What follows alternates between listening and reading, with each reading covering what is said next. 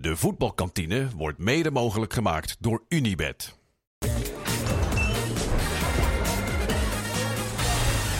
Jordi, er moet me toch wat van het hart. Vertel. We zijn er op vrijdag natuurlijk altijd. Wij trappen hier het Eredivisie weekend af. Niet letterlijk deze week, hè?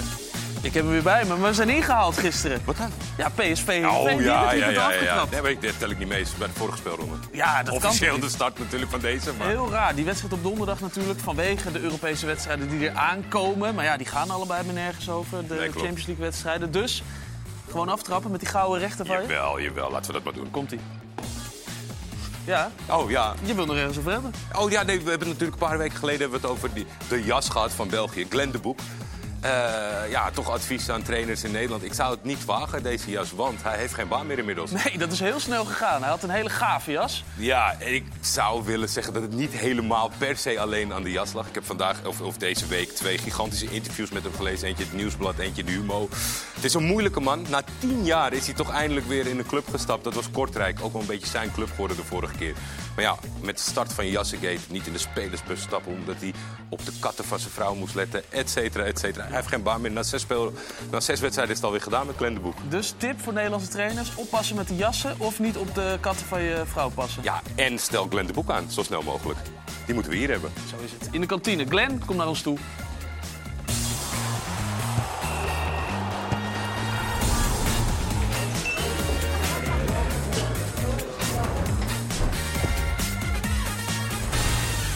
Goedemiddag, vrienden van de voetbalkantine. Ook dit eh, Eredivisie weekend is weer vakkundig afgetrapt door Jordi Jamali.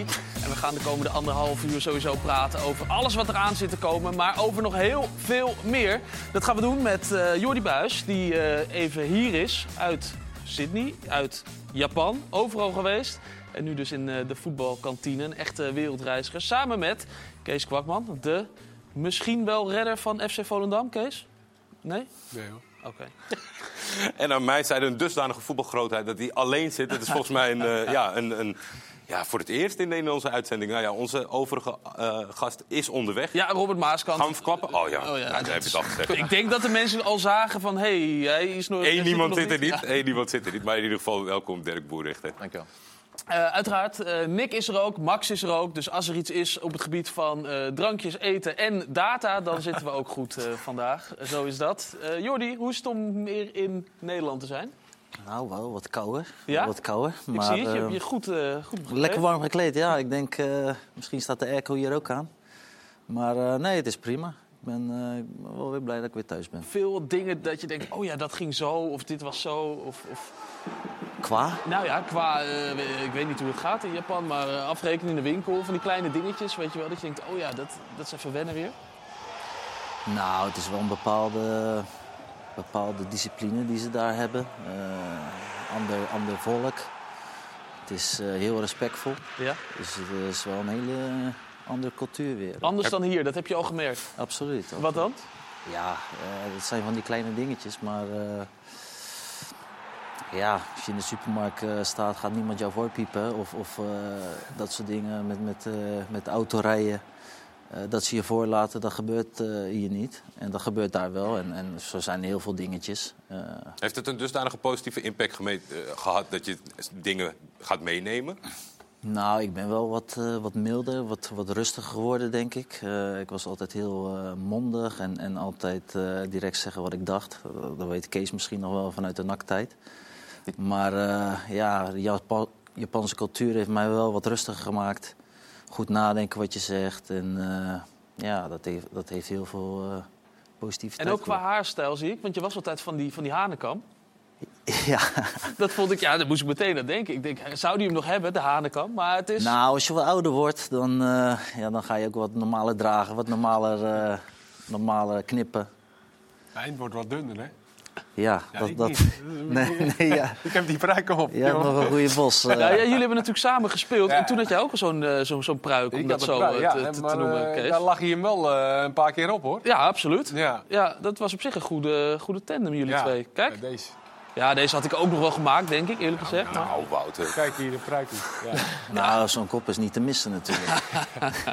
En Jordi, eh, Jordi had een fantastische traptechniek.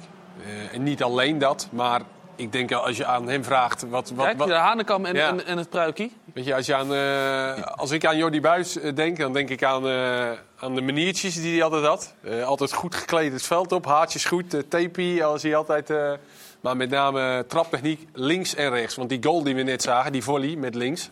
kunnen we zo nog wel even een keertje laten zien. Ja, dat, doe dat maar eens met, met je verkeerde been. Eh, nou nee, niet Nee, deze, die van Jordi niet. natuurlijk. Nee, maar echt... Deze eh, ook nog een keer. en dat is wel, als jij, eh, en dat hadden we toen ook, als je, als je luchtmacht hebt, als je goede koppers hebt in je team, ja, dan heb je gewoon iemand nodig die die ballen neerlegt. En dat kon hij op een fantastische manier uit alle hoeken en standen. En ja, dat, dat is gewoon een, een compliment. En dat is niet om hem nu even goed te praten, dat, dat is gewoon zo. Ik ben wel even benieuwd. Hij gaf zelf aan, die mondigheid in die tijd.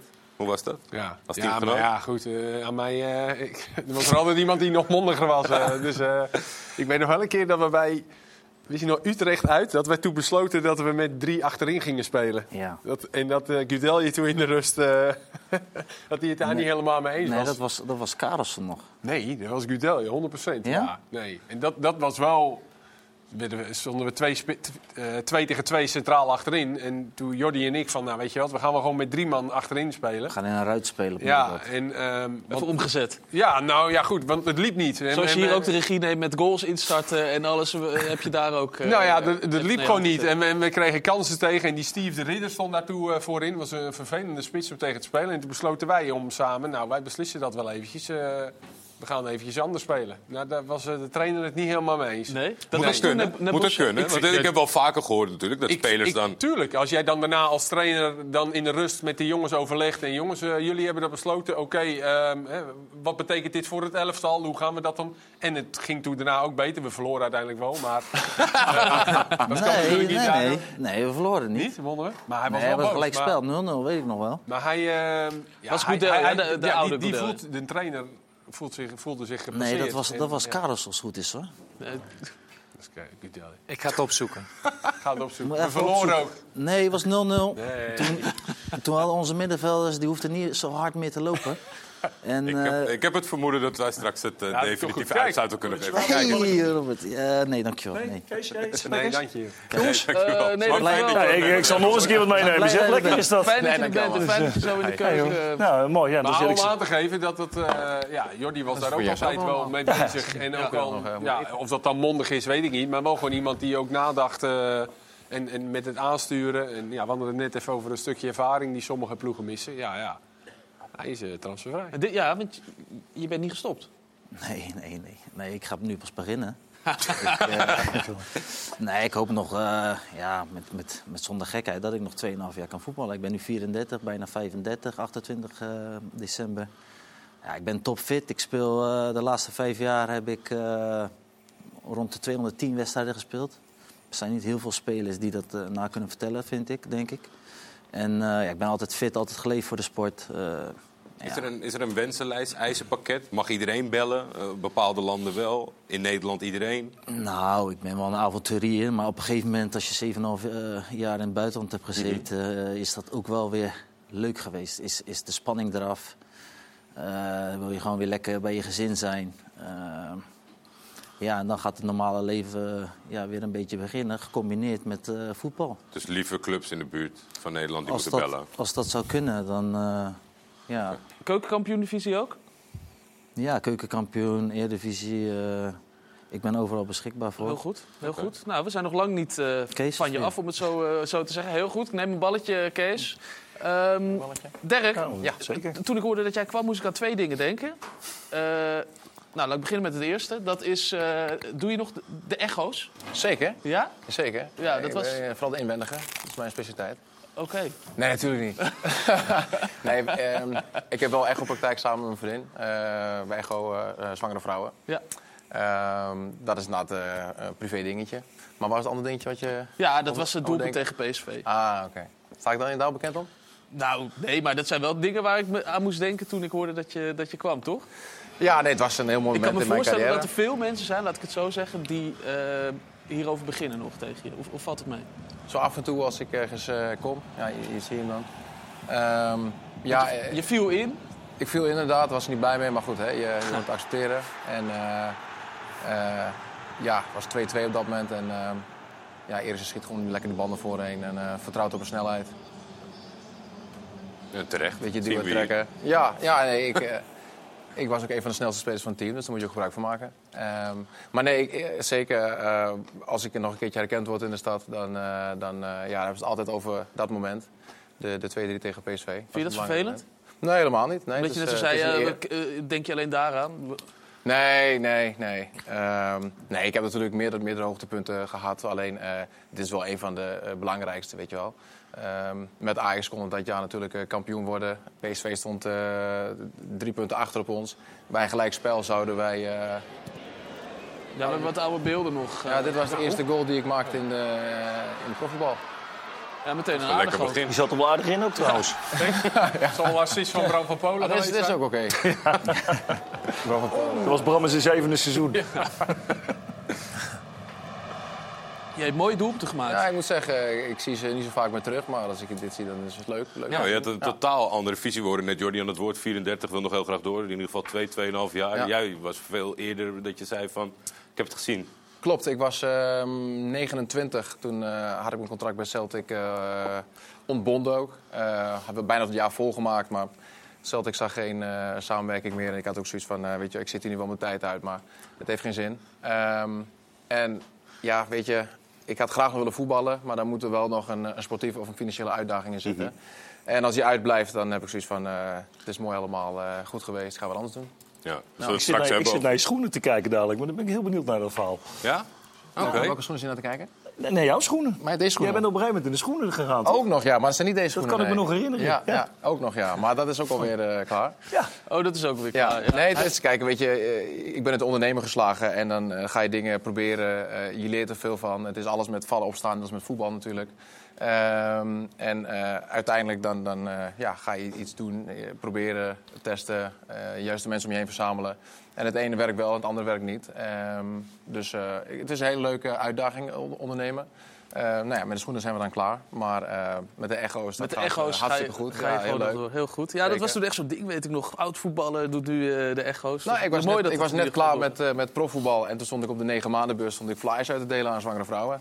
Ja, volgens mij Ja. was dat af- opgevallen ook toen, toch? Dat, eh, Zeker. dat jij ineens op de negen maanden beurs Ik stond. stond op negen maanden. Ja, en- en er zijn natuurlijk ook nog steeds op links en rechts mensen van die mannen die eh, moeten mee van hun vrouwen hè, op zo'n negen maandenbeurs. En die zien mij dan in één keer staan met flyers in de hand. En dan, eh, Had ja, toch die- nog een die mooie ken middag. ik. ja, die ken ik, ja, precies, ja. En eh, ja, weet je, het, ik, ik vind, het, ik vind het ook leuk, ik vind het ook mooi. En eh, dat was in het beginstadium van ons bedrijf. En als ik nu kijk van eh, waar staan we nu, ja, weet je, dan hebben we gewoon iets moois neergezet. Mooi. Dus dat is ook eh, waardevol. We gaan het zo hebben over die tijd in eh, Celtic. Maar in de tussentijd, want Max zit er niet voor niks. Hij heeft eh, uitgezocht wie er gelijk had. Oeh. Welke trainer was het? Wat was de uitslag? Ja. Nou, laat me weten, eh, Max. Eh, het werd 4-2 voor FC Utrecht. en Gudelje was trainer.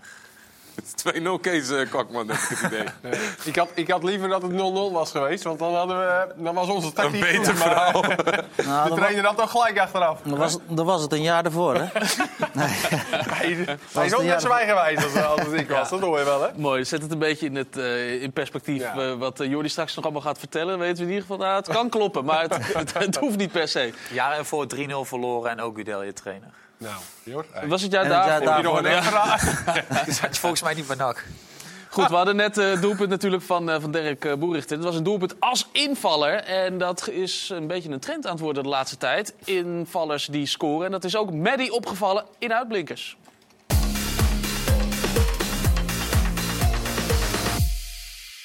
Speelronde 15 gaat vanavond weer verder in Enschede. Na de twee wedstrijden van gisteren hebben we er nog zeven te gaan. Dus we zijn nog niet eens op de helft. Klopt, daarin kan ik je niet tegenspreken. Precies op de helft zitten we in de rust van de vijfde wedstrijd die op zaterdag wordt gespeeld tussen Pek en Nek. Ja, en ik weet het, het is NEC. Nek zit hier, maar hey, Pek en Nek bek zo lekker. Ja, en als we het toch over mooie klanken hebben. Vorige week bij Pek Zwolle was het drie keer druif. Jazeker, daar is hij. Ferdi Druif. Druif en weer raak.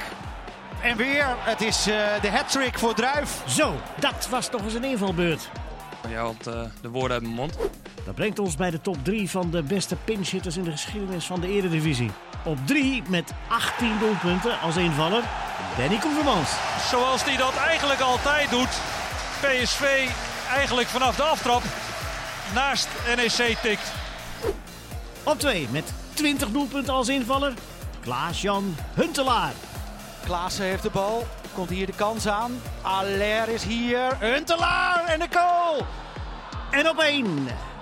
Weet je wat? We maken er een uitblinkers quizvraag van. Wie is de beste pinchhitter in de Eredivisie geschiedenis met 21 goals als invaller? Mary, wat denk jij? Weten ze dat in de voetbalkantine? Ja hoor, ik denk het wel. We kennen hem natuurlijk allemaal. En ik denk dat hij zwaar teleurgesteld zou zijn als ze dat niet zouden weten. Dus, kom er maar in. Kees? Ja. Ja, ik zag het aan het vingertje van hem, eh, onze oud-collega. Had, je, had je het anders kunnen weten? Want er zat nu wel een, een, Een foto bij. Een duidelijke hint Nee, bij zonder, voor jou. Zonder foto nee? had ik het niet geweten. Nee, nee, nee. Arnold Brugging. Best, Arnold eh, Brugging is dus de beste pinch-hitter van, eh, van Nederland. De man, de man met de meeste eh, doelpunten een Dus wij hadden de beste eh, invaller aan het werk. De analist die het meest gewisseld is. Ik ken het. dus, eh, ik weet niet of ze daar heel trots op zijn. oh, boerenkoers. Een boerenkoers inderdaad. Ik had het eigenlijk niet verwacht van Arnold Brugging dat hij zo'n goede invaller zou zijn. Want ik denk hij- meer aan een type eh, Luc de Jong of uh, nou, iedereen moe, denk ik, als hij Ja. denk van. Nou ja, en ik denk dat Arnold natuurlijk in die tijd... Dan, eh, hij had natuurlijk ook... eh, hij heeft natuurlijk veel gespeeld bij PSV. Maar hij had ook heel veel eh goede voor spitsen natuurlijk voor hem misschien wel. Waardoor hij dan ook vaak... van Nistelrooy. Ja, waardoor hij er dan af en toe inkwam. Ja, hier maakte hij volgens mij drie ook een keer bij Twente uit. Ja, En, eh, en daar bij Twente uit. die heeft ook een paar mooie goals gemaakt. Hoor. Ja. Nee, maar denk jij niet bij, bij een invaller die scoort aan, aan een lange... Nou, Kopsterke. Bij PSV, ik bedoel, eh, als Peppi erin komt bij eh, PSV, dan is het ook aan het eind van de wedstrijd is de tegenstander een beetje vermoeid.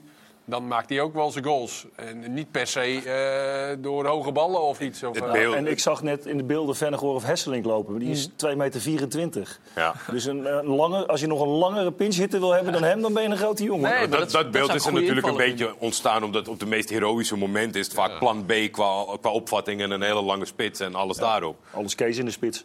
Ja, nou ja, Van dat zie je ook eh, veel. Van Hooijdonk bij Nederlands elftal hè, was, had een rol als pinchitter, maar Ja. dat was dan inderdaad vaak als, Dat als, zie je als wel Nederland iets, het nodig iets, had. Als iets minder. Hè? Vaak ging ook nog wel een, een grote centrale verdediger mee naar voren op het moment. Ja, maar dat die moet je wel hebben natuurlijk. Ja, dat Kijk, is ook met zo. Van Dijk had Nederland dat ook op een gegeven moment. Maar Ja. je had Luc de Jong eigenlijk altijd. Hè?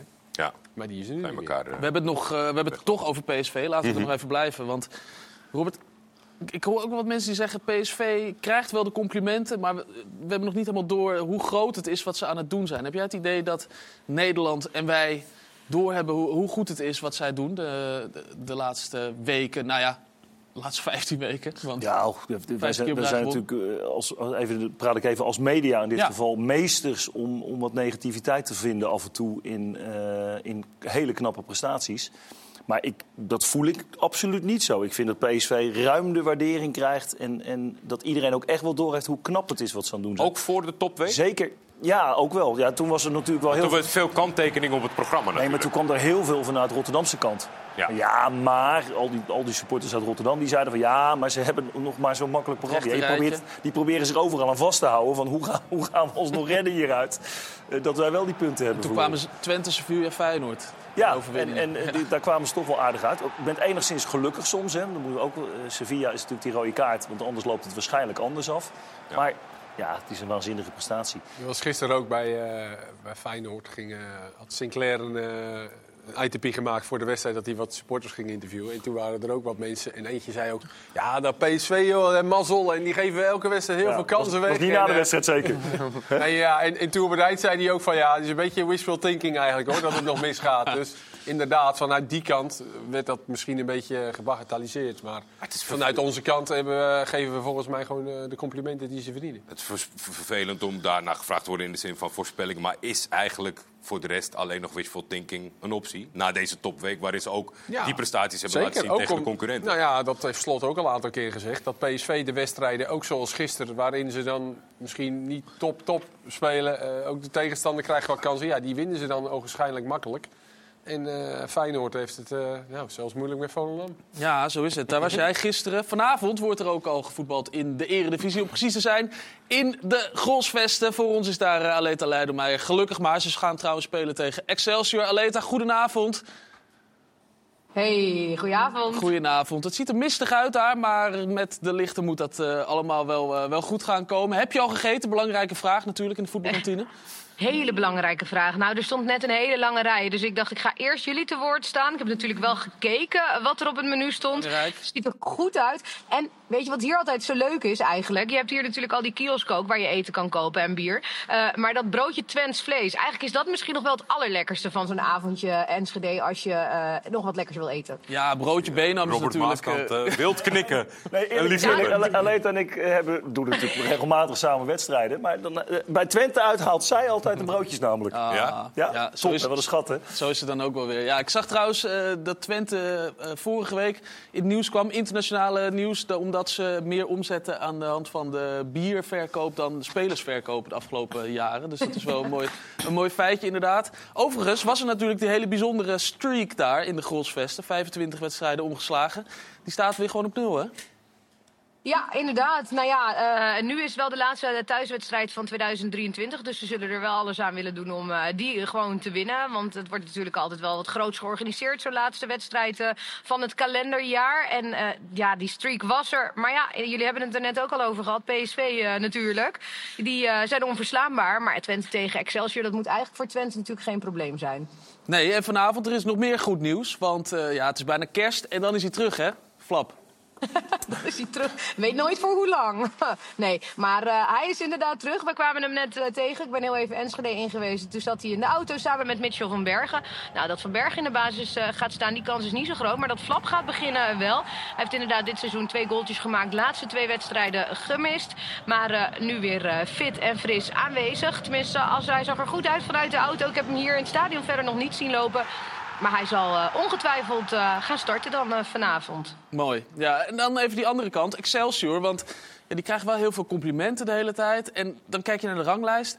En dan staan ze gewoon best wel laag weer. Wordt het weer zo'n seizoen als vorig seizoen? Dat het toch nog heel spannend wordt? Nou ja, weet je, zij zijn natuurlijk hartstikke blij als ze vijftiende worden. En uh, ze spelen wel heel veel gelijk. Zeven keer gelijk gespeeld. Dat is het meeste van iedereen in de eredivisie. Mensen denken altijd dat NEC altijd gelijk speelt. Maar die hebben één wedstrijdje minder gelijk gespeeld dan Excelsior. Nou, was uh, Excelsior tegen Utrecht stonden ze, uh, stonden ze voor. Maar toen werd het gelijk. En hier stonden ze 2-0 achter tegen RKC. Dat was dan vorige week. En ja, als je dan zo gelijk maakt. Nou, dat is natuurlijk een heerlijke goal. En dan is zo'n puntje toch wel wat, wat waard inderdaad. Dat voelt dan toch een klein beetje als wel een overwinning. Ja, drie puntjes boven de streep inderdaad. Wordt gewoon weer een spannend uh, seizoen. Um, Aleta, ga lekker uh, in die rij staan, denk ik. Want dan uh, want we willen je ook niet te lang rekken. En dan kan je lekker wat eten voordat het begint allemaal daar. Precies, het is toch tenslotte twee uurtjes voor de voorbeschouwing. Dus ik denk dat het binnen twee uurtjes wel gaat lukken. het is een lange rij, maar niet, niet meer dan twee uurtjes. Overigens, nee. groeten aan de beste pinchhitter van de Eredivisie. Hebben we net gehoord. Arnold Brugging ja. is dat. De meeste goals als invaller. Je gaat hem ongetwijfeld zien daar. Ja, nu nog niet gezien. Hij is ook nog niet buiten. Dus uh, we gaan hem zoeken inderdaad. Hier lekker naar binnen. Jo, Fijne dankjewel. Yes. Doei. Het is wel leuk. Ik kwam uh, ik bij Eagles Twente vorige week. Uh, was Marinus Dijkhuizen. Die was natuurlijk in voorbereiding op die wedstrijd. Want die spelen en tegen Twente en tegen Eagles. en het is altijd leuk om dan even met de coach te praten. Van hoe, hoe kijkt hij nou naar zo'n wedstrijd? Zeker Twente uit. Tijdens de wedstrijd zat jij tegen hem te praten? Of? Ja, vind je dat, vind je dat erg? Nou, ik weet niet of hij dat uh, misschien wil die opletten. Nou, we hebben samen... Heeft hij zo mijn maaskant in zijn nek. We hebben samen gespeeld, uh, dus dat uh, geeft ergens wel een band. Nee, maar het is leuk om, om, om zo naar wedstrijden te kijken... en dan ook het verschil moeten maken tussen een uitploeg... Twente bij Eagles, de tweede helft, was een, is totaal anders dan dat Twente... Je ziet ze niet daar, dat, hoe je dat ze het thuis, zelf... Ja, en dat moet je toch een beetje in kunnen schatten als coach zijn. Ja. Van hoe ga ik mijn ploeg daar nou op voorbereiden? Waar liggen nou echt mijn kansen? Ja, dus hij gaat daar naartoe en dan ja, ziet hij een Twente aan het werk wat totaal ander Twente is dan dat hij... Ja, het zal, zal, niet de enige wedstrijd zijn. Die, die, nee, ja, zoveel coaches gaan niet meer naar die wedstrijden toe. Hè? Nee, maar ik, vind, vind het leuk dat Marines dat wel doet. Robert, hoe, hoe deed je dat in, in jouw tijd, zeg maar? Want kijk, het is natuurlijk, ik neem aan dat je veel, zo niet alle wedstrijden al ziet. Moet je dan ook nog naar het stadion om ja, voor de final details... Met, met de huidige uh, materiaal wat je tot je beschikking hebt aan videoanalyses... hoef je eigenlijk niet meer naar die wedstrijden toe. Uh, het is altijd een beetje om het gevoel te krijgen. En, en je, ziet, je ziet altijd wel net ietsje meer. Dus hele grote wedstrijden, dan wil je sowieso één of twee wedstrijden live gezien hebben. Uh, maar het is, als ik heel eerlijk ben, eigenlijk niet meer nodig met alle uh, videoapparatuur die er is. Kan of een videoanalist. Of een analist die alles voorbereidt, de ja. vragen die je stelt, de data die je hebt.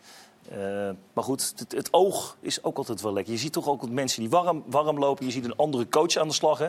Kom je met 1-0 achter, kom je met 1-0 voor. Wat gaat zo'n trainer doen? Wie gaat er warm lopen? Soms komen ze er niet in, maar dan ben je er wel op voorbereid. Ja. Ja, Pinch-hitters van 1,95. Zo is het, ja. ja. Wel heel mooi dat hij daar gewoon eh, zit dan. Had hij een, een briefje bij zich of eh, alles in het kop? Ja, nee. Ook eh, opschrijven. Schrijven ook nog. Heel goed. Ja. Kees, jij was gisteren bij eh Feyenoord-Volendam. Ja. Ook veel vraagtekens eh, vooraf. Wat konden we verwachten? Nieuw coach. Zeker, ja. Nou ja, goed, hij had al wel aangekondigd, denk ik, dat hij eh, wat meer eh, verdedigend ging spelen. En Ja. Dat was ook niet zo gek. eh, Dinsdag, hè, kijkend- voor duidelijkheid. kijkend Dinsdag effect de- gisteren. Na de wedstrijd. Nou ja, het was geen hele leuke wedstrijd, maar het was wel spannend. En dat had niet iedereen, denk ik, verwacht van tevoren. Eh, want je verwachtte een vrij simpele overwinning van Feyenoord. Maar ehm, ja, Volendam deed het goed. Die verdedigde, nou ja, je ziet ze al staan met z'n allen. eh, met z'n allen in en rondom de 16. Ja, dan heb je natuurlijk ook wel kans dat hij eh, op een gegeven moment eh, een keer verkeerd gaat vallen. Het was alleen ontzettend vervelend voor ze dat, ze, dat het in blessuretijd eh Nou, ja. gebeurde. En dit, dit was overigens wel heel frappant. Dat er vier spelers achterblijven en dat de keeper naar voren ging. dat vind ik heel raar. En dat ze hem dan zo makkelijk eh Kun je beter als keeper zeggen, nou, als nou de spelers naar voren gaan, dan blijf ik wel achter. Blijf Nou ik ja, een keer staan. Dat was niet helemaal goed eh, gecommuniceerd. Ze maar zullen goed, het op een goaltje nou niet redden dadelijk. Ze nou, zullen ze op staan nu onderaan, omdat ze dus eh, Ja. min 23 Ja, hebben en Vitesse nou ja. min 22. Maar ja, Maar waren de, de, de arbeidsethos en de strijdlust, waren die hoopgevend Ja, voor, vond ik eh, wel, ja. voor Volendam wat moeilijk vond ik wel. Ja, je zag eigenlijk een Volendam wat je vorig jaar na de winter eh, hebt gezien. En Mhm. dit jaar hebben ze dit bij PSV uitgeprobeerd met vijf verdedigers. Nou, toen gaven ze onbeperkt weg, dat lukte niet. Maar nu, eh, gisteren, gaven ze eigenlijk niet, niet echt veel weg. Het was aan de bal echt schrikbarend hoor. Ze Ja. schoten de bal gewoon naar voren en dat was het. Ehm, maar dat kan je nu niet verwachten. En ook kijkend naar de week die die spelers hebben gehad. heeft Dinsdag gewoon gezegd, dicht op elkaar verdedigen. En natuurlijk wil je niet zo ver terug, maar dat ging automatisch. En ze hebben het gewoon hartstikke goed gedaan. Van, vanaf de, ja, ik zei het net toevallig eh, tegen onze eindredacteur, eh, PSV Peek laatst. Nou, ik denk dat Peek stapte de, wedstrijd, de, de bus uit en die dacht al van, eh, deze hebben we al verloren. Ja, Nou, en bij Volendam, 4-0. ja, en bij Volendam zag je echt gisteren vanaf minuut 1... Ze gingen ervoor, ze zaten ervoor. er kort op. Ja. En, eh, dus dat, was Nou, dinsdag heeft dat karakter ook wel. Kan hij ook wel overbrengen. Ik Dat kan me nog herinneren dat ik in. Zwitserland bij hem thuis was. Eh, we hebben hem toen gehaald naar, bij- naar NAC, bij Grasshoppers. Grasshoppers, ja. Eh, wedstrijd wezen kijken, trainingen wezen kijken. En eh woonde daar hartstikke mooi in de bergen daar zo. Prachtig. En hij, vanaf daar wist hij eigenlijk al, toen is hij nog wel gaan voetballen. Maar toen was hij al met zijn trainerscarrière bezig. Toen wilde hij eigenlijk ook al bij, bij NAC tekenen. Alleen om te voorwaarden dat hij daarna jeugdtrainer kon worden. Ja, dat zijn... Dat is nog eens info, hè? Dat is zeker Hey, nog eens info. Ja, ja, zeker. Nee, dat is heel goed. Over Feyenoord dan. Die hebben even een andere, andere fase. Dat gaat allemaal niet meer zo vanzelf. Nee, het was ook wel gewoon heel moeilijk gisteren hoor. Want wat net over Volendam, die staan daar dan met z'n allen. En Jiménez zei ook na afloop, ik vind het verschrikkelijk deze wedstrijden. En, eh, Dat zag je ook ik-. Ja, ik, ik sta daar met, met twee, drie man om me heen en nog twee man voor me. En ik kan geen kant op en ik krijg geen, geen kans. Ehm, dan vind ik het toch nog wel knap dat hij dan eh, even goed... En dat zei hij ook, eh, ik bleef me gewoon geconcentreerd en wachten op die kans. Ja, Feyenoord heeft het dan toch moeite om die eh, verdediging eh, stuk te spelen. En eh, hij begon weer over de buitenspelers slot. Dat Ja. doet hij nu al een aantal ja, weken. En Het zijn iedere week andere. Dus dat, dat... Maar hebben Mm, ja. jullie dat ook niet gehad? Met, als je met Ajax ergens naartoe ging. Dat je al wist van ja, er staan er gewoon 10 op de 16 dadelijk. Succes. Dan was het taak om zo snel mogelijk toch weer te scoren. Want hoe langer het 0-0 bleef, hoe eh, meer vertrouwen de tegenstander ook kreeg. En eh, dan werd het af en toe lastig voetballen, ja. Ja. Maar ja, je hebt altijd die bal. Dus dat is, Ja, dat, is, wij- weer- dat is wij wel weer makkelijk. ja. Lijkt, het lijkt me heerlijk bij zo'n ploeg zitten. Weet je, Ja, maar het is- het nou, is ik heb bij Wiesla gehad. Dan hadden we ook Bij de verdedigende ploeg of bij de aanvallende ploeg? Nee, bij de aanvallende Bij de ploeg. aanvallende ploeg. Dat je Nee, gewoon nee. eigenlijk continu de bal hebt en dan gewoon steeds maar weer die oplossing moet gaan verzinnen. Dat is een beetje vervelend als je een goal tegen krijgt. Maar ik kan me ook niks. voorstellen, Dirk, dat het op een bepaalde, als het op zo'n dag of als het scenario van gisteren, dat het heel lang op zich laat wachten, dat het het helemaal niet zo fijn is. Dat het een beetje frustrerend en gekmakend is. Ja, er zijn wedstrijden geweest, dan zit het echt op slot, weet je wel. Dan of je nou links of rechts of, of hoe dan ook probeert eh, door te breken. Ze hebben echt zo'n handbalverdediging. Is niet makkelijk voetballen, nee. Maar ehm, mocht je dan een keer wel scoren, dan weet je ook gelijk, dan komen ze wel eens van een goal af. Daarna is het klaar. En daarna is het klaar. Ik vond dat Pascal Jansen daar een mooie opmerking over maakte. Dat was een term die ik niet eerder had. Dat, dat, dat was, hij, hij gaf aan van, ja, we moeten volle bak aanvallen. Maar we moeten ook de rust kunnen bewaren in die aanvallen. Mhm. Daar hadden ze het echt over gehad voor de wedstrijd. Voor die paar minuten natuurlijk. Maar, eh, Ja, tegen eh, NEC was Ja. dat. eh, ja, eerst nog even over eh Jiménez. Want hij had gisteren dus een eh, vervelende dag. Vandaag had hij een hele mooie dag. Hij kreeg namelijk hoog bezoek vandaag. Hugo Sanchez was er even, de oudspeler van Real Madrid. In de tijd dat Leo Beenhakker daar nog trainer was. En natuurlijk grootheid in Mexico. Kwam op bezoek, eerst bij Lozano, toen bij Jiménez. En Jiménez die was wel onder de indruk. Muchos consejos, Sí. muchos consejos. Y, y creo que necesitamos una, ir a comer o algo para escucharlo más. Sí, se- se- sería bueno, ¿no? Eh, comer con, con Hugo Sánchez eh, y Me escuchar, encantaría. escuchar a todos los consejos. Me encantaría, fue lo primero que le dije, que me encantaría poder juntarme con él y escucharlo en una charla más íntima. Eh, tiene la capacidad y, y- y creo que lo puede conseguir. O sea que eh, si, yo, si yo fuera él, me iría lo más pronto posible a un equipo de mayor exigencia. Entonces, este invierno, en, en- en una mesa o algo así. Si le viene una propuesta de algún equipo importante en, en el- la apertura de invierno, Por ejemplo, de Real Madrid, que usted conoce este club. Bueno, hay rumores. Eh, Regularmente cuando hay ese, eh, ese rumor es porque ya sea que se esté promocionando la llegada de, de él o porque realmente hay interés. Si realmente hay interés, me gustaría mucho que, que los equipos grandes de España Ja, lekker is dat. Meer Hugo Sanchez trouwens eh, op onze app-site en in ESPN Vandaag later. Robert, ik denk dat jij de enige bent die hem... Heb je hem live gezien, actie? ja. Nou ja, live niet in het stadion, maar gewoon... Ja, nee, ook. beelden. Ja. Ja. Ook een... Het was eigenlijk, eigenlijk een speler die, waar, je, waar je, als je hem zag lopen, dacht je van nou, die kan er niet zoveel van. Ja. Ja, dat is alleen jammer dat, hij dat als hij wel ging voetballen, scoorde hij toch wel heel makkelijk. Scoorde hij er heel bewegelijk. En, eh, ja. Ja, heel bewegelijk ook meestal na het doelpunt, hè? Met, eh met. Dat vooral, dat, ja. dat, dat is Nee. natuurlijk hoe ik het heb ja, maar die heeft er een hoop gemaakt hoor. Ja, met een, Echt een hoop gemaakt. befaamde voorhoede bij Kijk, daar gaat. Ja. ja, tegen PSV was dit eh, in, de, in de Europa Cup. Overigens wel, eh, ik blijf me een beetje verbazen over die adviezen. Die Mexicaanse bondscoach, die zei al, eh Jiménez zo snel mogelijk weg. Nu Ja, eh Hugo dat Sanchez toch- Ik weer. denk dat ook eh, andere cultuur is. Zo snel mogelijk weg, zeggen ze allemaal. Ja, Ja. dat dat daar toch anders is dan eh, hier in Nederland. Want als Koeman hier iets over een speler roept, dan staat het hele land in rep en roer. Nou was dat dan negatief. Was- was niet positief. Nou ja, het was kritiek. Ja, maar ik Ja. geloof wel dat het goed bedoeld is uiteindelijk. Ja. En daar eh, roepen ze allemaal, die Jiménez moet weg. Die moet weg, Natuurlijk moet hij weg bij zijn club. En, eh, nou, dat vinden ze allemaal prima. Die kijken toch ook naar de Nederlandse competitie als, als zo'n competitietje.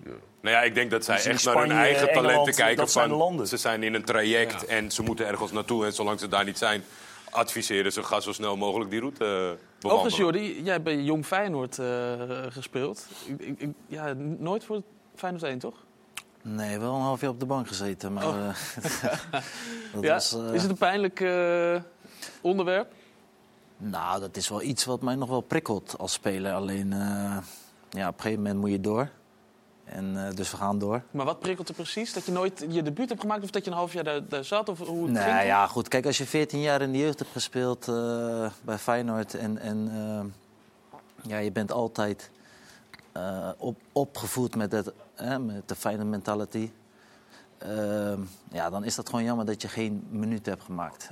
Ik heb er hard voor gewerkt, alleen het was niet mijn tijd. Ik was er misschien ook niet klaar voor, als ik heel eerlijk ben. Maar eh, er waren momenten dat we 4-5 nog voor stonden en nog steeds niet een beroep werd gedaan op mij. En toen dacht ik wel van, nou, nu ga ik in de winter ga ik even wat... Wie was eh, de trainer toen? Bert van Marwijk. Oké. Ben, jij toen ge- ben jij ook geblesseerd geraakt toen die tijd? Toen je uitgeleend, je ging naar de graafschap volgens mij daarna, hè? Werd je Ja, ik stond op punt om eh, naar jou toe te gaan, eh Ja. train. Ja. nee, Maar- klopt. maar- Ja. Ja, weet ik eigenlijk Toen niet raakte wat- ik geblesseerd. Nou, Bert van Marwijk die zei tegen mij van... Buis, je mag verhuurd worden als je maar naar MVV gaat. Want dat, zijn, eh, dat was Ja. zijn club. En eh, daar, zat, eh, daar zat meneer Maaskant toen eh, destijds. En eh, ik ging een Ja. wedstrijd al kijken. En ik vond het wel een lekker spelletje. Ja. Ik ging een wedstrijd kijken en... eh, ja, als ik heel eerlijk was, zag ik me daar niet spelen. Hè, Dat was eerste divisie destijds. En eh, toen Als je kwam... toch eerlijk bent, wat waren de factoren die deden dat jij op de tribune zat en niet hier? Nee, ja, goed. Ik wilde, ik wilde, ja, ik wilde in de Eredivisie blijven. Ja, oké. En eh, dat was met de graafschap. En eh, ja, daar kreeg ik de mogelijkheid om een half jaar te verhuren, plus drie jaar te tekenen. Ja, dat was, eh, dat was een geweldige deal met Hamburger destijds, die mij, eh, die mij toen haalde. Ja, dus dat was onbegonnen werk voor jou. Oh, had je het heel MVV graag gewild. MVV Wij leefde hadden- toen wel, hè? Ook zeker. Volle bak iedere week. Of om de twee weken dus natuurlijk. En eh, we zijn toen ook ver gekomen in de play-offs. Maar hij had misschien nog wel net het verschil De kunnen maken. Was geweest, net, eh. net een beetje dat extra wat we hadden kunnen gebruiken. Maar we hebben toen een heel goed seizoen Is. Feyenoord nog wel je club eigenlijk Ja, absoluut. in Nederland? Gisteren nog even wezen kijken met Kees, eh, met Kees op de, de buis. Eh, nee, maar met, eh, kijk, met Robert Maaskant had ik wel graag willen samenwerken. Omdat het ook, ja, hoe zeg je dat, een, een, een type is, hè, een persoonlijkheid is. En eh, ik, ik denk dat dat wel heel mooi geklikt had. Ehm, ja, ik koos toch eh, voor Eredivisie. Ja. Kees heeft er spijt van hoor. Die heeft wel lang met me gewerkt. hoe graag. Robert, kan, kan jij het scenario inbeelden waarbij je een, een talent doorschuift naar de, eerste, naar de eerste selectie en een half jaar niet, eh, niet één moment? Er waren dus blijkbaar wedstrijden bij die het qua scoren wel toelieten. Dat je dan gewoon denkt van ja, oké, het is nog niet jouw tijd, het is nog niet jouw beurt. Maar het, is, het, voelt- het voelt als net het dichtbij halen voor het is nog niet jouw tijd. Nee, maar je moet ook niet vergeten dat, dat er toen veel minder... Je mag er nu vijf wisselen. Daar zijn we heel snel gewend aan geraakt. En je hebt een grote selectie. Dus er zijn altijd wel jongens die je dan... die ook heel hard trainen en die ook verschrikkelijk goed hun best doen... en die ook verdienen om in te vallen. En ja, het is geen, eh geen Nee, het is geen. amateurcompetitie. eh, nee. Dus En- dat, dat, ja. ja. kan we, natuurlijk, als je de kans hebt om dat te doen. En, en even dat vertrouwen. Bij Ajax deden ze dat wel altijd heel goed. Hè. Bij Ajax gooiden ze gewoon jongens vaak uit de A-jeugd. Dus hij Ja, maak, eerst maak, je eerst, maak je eerst minuten maar. En dan, dan ging die waarde al omhoog in die transfer. We hebben dat ooit een keer met Sivkovic gedaan, ook bij Groningen. Eh, eerst gewoon lekker laten spelen, waarde omhoog en dan verkopen.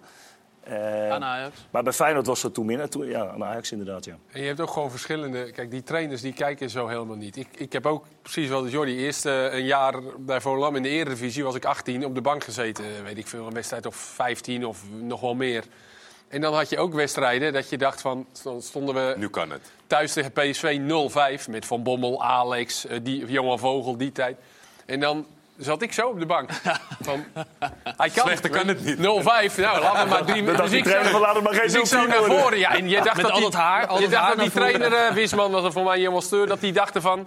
Nou, dit is wel... Ja, weet je, iedereen kroop zo weg op de bank en ik wou erin. Maar ja, die hadden heel andere belangen en die dachten daar helemaal niet aan. Ja. Ja. En dan eerlijk gezegd, ook wat Jordi net zegt, je was er natuurlijk helemaal nog niet klaar voor. Dat je 18 was eh, op dat niveau. Nee, ja, het, voelt, het voelt een beetje als, een- als langdurig op de bank plaats van, van het talent. Dat, het, dat je het eigenlijk te dichtbij brengt als je het toch Ja. niet. ja, maar ook gewoon het idee van... eh, laat mij nou even mijn debuut maken, weet je. Want dat was voor jezelf. Je bent als vijfjarig ventje eh, ben je bezig. Ik- mag nu tussen die lichtmasten voetballen. Maar ja, die trainer die dacht daar natuurlijk helemaal niet aan. Die, eh, Wat hele andere dingen. mocht de allerlaatste wedstrijd in de play-offs toen we al uitgeschakeld waren... mocht, mocht ik 10 minuten invallen. Toch je debuut Toen, gemaakt. toen wel, ja. Toen wel. Dirk, is eh, Ajax nog jouw club in Nederland? Of is het een hele andere club? Je hebt meerdere clubs natuurlijk gehad. Nee, nee, zeker. Nee, ehm, mijn hele familie was eigenlijk altijd al eh, Ajax. Dus eh, des te leuker dat je daar zelf ooit komt te spelen. Maar eh, nee, Ajax eh, blijf ik altijd volgen. Maar wacht even, jij komt uit Oldenzaal, toch? Of Zeker, niet? ja. Dan- ben je toch veel meer Twente of Ik, Heracles? ik ben inderdaad in eh, Twente. Ik, ik heb in jeugdblijf in S20 gezeten ook. Ja. Eh, Met Wout Brama waarschijnlijk. Dit is mijn debuutwedstrijd in de Eredivisie bij, bij Ajax. Ehm, ja, ik heb met Wout Brama in de jeugd gespeeld en met eh, Karim El Amadi. Dat ja. waren mijn twee eh, teamgenoten die het ook gered hebben. Ehm, en ik had toen ook wel een seizoenskaart en ik ging met mijn ouders altijd, of vooral mijn vader dan, eh, vaak naar de, naar de en, en kijken. kijken. Alleen ehm, het, het, eh, het Ajax qua voetbal en qua naam, weet je, dat hebben we altijd al gevolgd. En, en eh, ehm, mijn neef heeft eigen kroeg in Oldenzaal ook en die is ook een, een diehard eh, Ajax-supporter. Dus eh, nee, is, eh, Ajax zit er wel in bij ons. Ja, dan is het extra bijzonder als je daar dan uiteindelijk terechtkomt. Was v- voor de hele familie zo? Het was heel bijzonder, want ja, weet je, eh, volgens mij ben ik ook de enige Oldenzaler eh, die ooit eh, bij Ajax speelt natuurlijk. Maar ehm, nee, het is sowieso leuk dat als je de droom hebt om profvoetballer te worden en, en natuurlijk via een hele omweg kom je uiteindelijk bij het grote Ajax. Hoe je het ook bent of keert, het is wel de mooiste club van Nederland. Wel- wel- zit wel- Nou, ik zat net even de ranglijst nog te kijken. Ja, ja, maar- Heel goed, Jordi.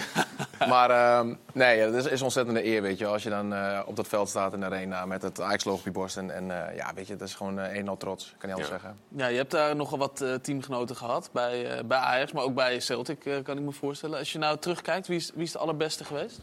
Allerbeste speler waar ik ooit mee Ja? heb gespeeld? Eh, ja, ik heb een Virgil van Dijk gespeeld. Vind ik een hele goede, goede voetballer. Eh, bij Ajax, Christian Erissen vond ik ontzettend goed. En, en Jan Vertongen. Had, had je bij Van Dijk, want dat is natuurlijk eh, de Van Dijk voordat hij heel erg bekend werd bij Celtic, had je daar al van. Die gaat, heel, die gaat een heel ander niveau bereiken. Ja, ja, ja. ja. ja Dat- Virgil is wel een afzien. klasse apart, ja. Ja. Virgil is gewoon eh supersterk, supersnel. eh en hij kan ook nog ontzettend goed voetballen ook nog. Dus alle ingrediënten die hij nodig heeft om een goede, goede voetballer, goede verdediger te zijn, dat, dat heeft hij gewoon. En dat eh, gebruikt hij op, eh, op een goede manier. Maar als je Jan Vertongen en eh, Virgil van Dijk naast elkaar zet, als je daar tussen zou moeten kiezen? Ik vind ook wel een beetje vergelijkbare voetballers. Misschien dat, dat Jan nog iets beter kan voetballen aan de bal. Weet je, echt een ontzettend goede techniek ook. Ehm, maar ze hebben allebei, eh, eh, ja, zijn ze sterk, zijn ze snel. Ze hebben allebei een gigantisch goede paas. Ehm, Ja, Vertongen doet het nog steeds. Hij was volgens mij vrij recent heel belangrijk met een doelpunt Oh ja. eh, bij Anderlecht. Ja, ja, zeker. hij heeft ook ontzettende pegel in zijn benen ook. Hij kan nog scoren ook nog. Ehm, nee, ja, echt goede voetballers. Ja. Maar als ik het zo hoor, eh, dan, dan zeg jij... Ja, Vertongen heeft net iets meer.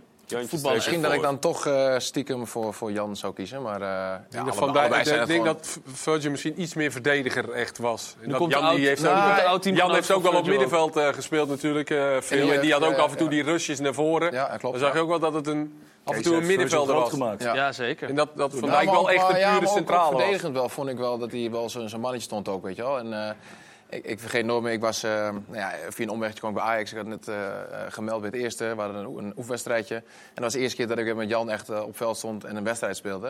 En toen was ik zo onder de indruk van, van zijn capaciteit, weet je wel. En ook eh, nou ja, verdedigend op zich dan.